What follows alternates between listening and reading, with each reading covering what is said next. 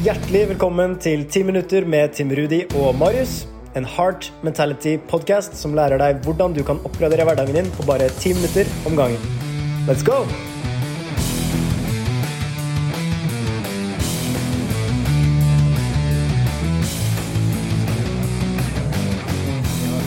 Meg, men det er faktisk det at når du har fokus på læring, og du har fokus på at du kan være en person som lærer For det er jo motvekten til en person som tenker at nei, men jeg er ikke sånn, jeg klarer ikke det.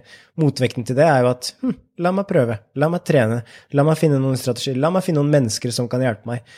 Og det at jeg Jeg husker at når jeg begynte å drømme, for eksempel, da, begynte å se for meg hva jeg drømte om i livet mitt, så drømte jeg om for eksempel det å holde foredrag. Og da, hvis jeg hadde sett meg sjøl i min nå-situasjon, så var jeg redd for å snakke med folk på gata. Jeg var redd for å snakke foran en forsamling på ti, og så drømte jeg om å snakke foran tusenvis.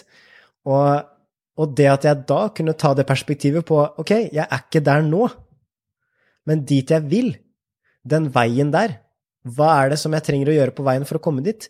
Jo, det er jo å lære. Og når jeg skjønte det, at ja, men der du er nå, det er utgangspunkt, og dit du vil, det handler om hva du velger å trene på.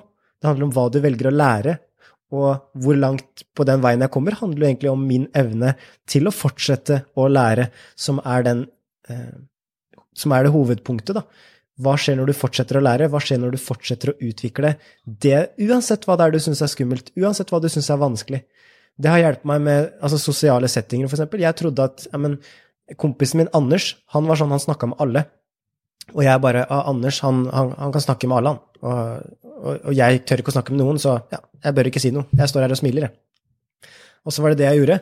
Men i det øyeblikket jeg skjønte at det handla om å lære, så begynte jeg å si noe. Så begynte jeg å dele, og så begynte jeg faktisk å ta plass i situasjoner jeg aldri turte å ta plass i, fordi jeg skjønte at jeg kan lære. Når jeg går inn i det her, så kan det være vanskelig, men går jeg på trynet, så fint, da lærer jeg. Eh, og du, du, sendte meg en fet video på Instagram med Kobe Bryant. Kan du ikke fortelle Husker du den?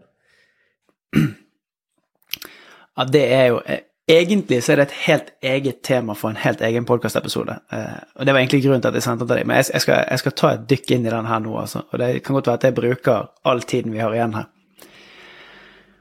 Altså, Kobe Bryant sier det fins ingen verden uten å feile. Altså, det er, jo, det er jo kraften vi tilegner det å mislykkes, som påvirker hvordan vi opplever det. Sånn at vi ilegger det å gjøre noe nytt og mislykkes med det, altfor mye kraft. For der Kobe Bryant sier det å feile det er en helt naturlig del av min reise. Det er en helt naturlig del av prosessen, det er å feile. Hvis jeg feiler på mandag, ah, fett, jeg prøvde. I'll fail again on Tuesday. I'll learn. I'll fail again on Wednesday. I'll learn. Do it again on Thursday. Og det er så kraftfullt. For det handler om måten vi ser på det å gjøre nye ting på, og det å utforske, være nysgjerrig, og det å, være egentlig i, i sånn continuously learning, da. Ja, også, også den kraften du får. Mm. Altså når feil ikke blir en hindring, men det blir en del av gamet. Det blir en del av prosessen og en ting som du ønsker velkommen fordi du vet at det er en del av læringa. Altså, Mm. Hvor sterk du blir da. Altså, hva er mulig da? Når du tar det perspektivet, hva er mulig da, når du begynner å være en som lærer, og du begynner å bli studenten, og ikke føle at du må være eksperten, eller klare yes. ting første gangen, og så gir du opp fordi yes. du følte deg litt teit, fordi det, gikk ikke sånn som jeg ville gjøre? Hva Altså, det, jeg tror det er noe av det mest kraftfulle jeg har lært, faktisk, i hele mitt liv. Det, det, det å lære at jeg kan lære. Holy moly. Det er ja, og så jeg har en, jeg har en sånn fanesak som jeg, som jeg, brenner litt for, for tiden, da. Og det at jeg tror at vi er blitt Det er veldig mange av oss som, som konsumerer mye. Nei, nå hører jeg at jeg generaliserer litt. Men mange av inntrykkene mine som jeg, liksom, det, som jeg brygger på og bærer på, da, handler om å generalisere. Men jeg tror vi òg, nå når podkaster og lydbøker har blitt så populært, så tror jeg at vi har blitt eh, en gruppe som konsumerer mye, og gjennom det så tror vi at vi lærer. Og sorry hvis jeg, hvis jeg gir deg et aldri så lite spark i leggen nå, altså, når du hører på det her. Men læringen skjer som oftest når vi går ifra det å ha lyttet det, det å ha forstått det, til å ta det ut i atferd. Det er jo hele grunnlaget og motivasjonen vår, og i hvert fall min for å lage denne podkasten, det var jo å lage det så lite og så konkret. Sånn at det går an å gå ut i morgen og så bare gjøre det. Ta det som en del av, av, av, måten du lever på. Og det er en viktig del av å lære. Gjør det. Lev det. Ta det ut i action.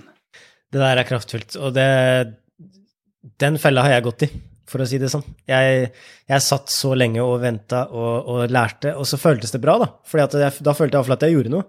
Men når jeg så på resultatene mine og hva jeg faktisk gjorde, så satt jeg jo bare og lærte. Jeg satt bare og studerte, satt bare og tok inn, inn, inn, inn. inn. Men input uten output, det er fortsatt luft.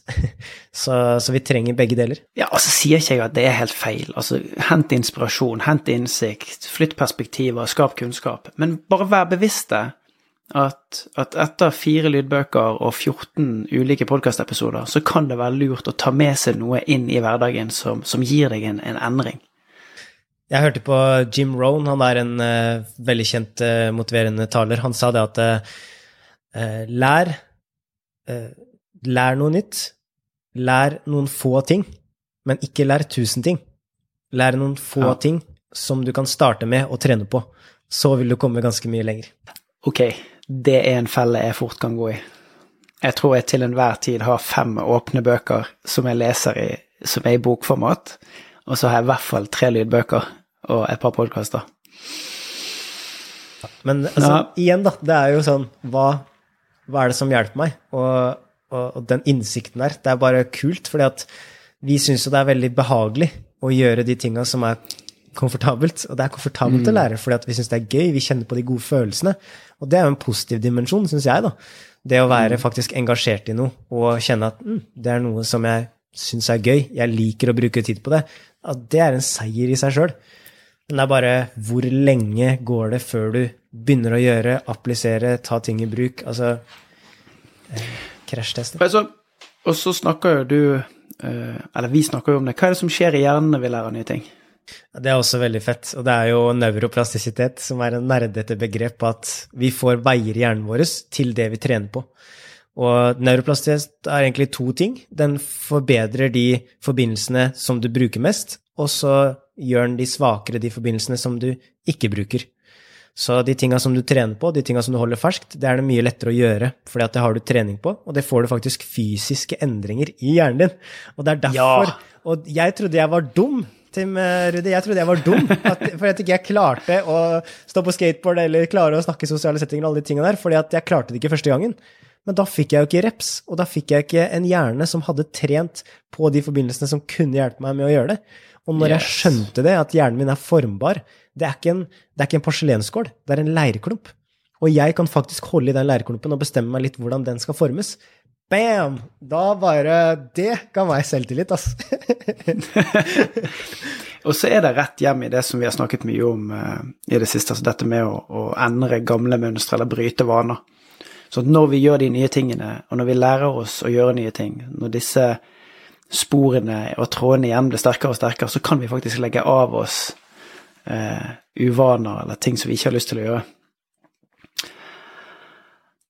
Ah, du eh, Tusen hjertelig takk for at du ble med meg på ja, jeg vil jo egentlig kalle det for en litt sånn dans rundt disse fem temaene med hverdagslykke. Eh, jeg håper for hele mitt hjerte at du som har hørt på, ta med deg én ting, to ting. Følg Marius sitt råd, ikke prøv å ta med alt. Bestem deg for én som du kanskje føler at du har noe å strekke deg etter, og så ta det inn i hverdagen. Og ikke minst, det her gjør jeg faktisk ikke så veldig ofte, men dette er en podkastrekke som jeg håper at du deler med mennesker rundt deg. Jeg tror på en verden der alle vet om disse fem grepene, og alle vet hva de kan gjøre for å øke egen lykkefølelse. Hvis de kjenner at denne dagen her er dritt, og uken er dritt, eller perioden er dritt, så kan de spørre seg sjøl hva av disse fem tingene er det som er til stede i livet mitt, eller hva er det jeg trenger å tilføre? Tusen takk, Marius.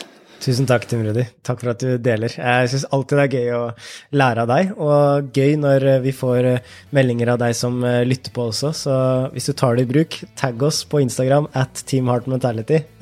Vi blir kjempeglade. Ja, det gjør vi. Tusen takk for i dag.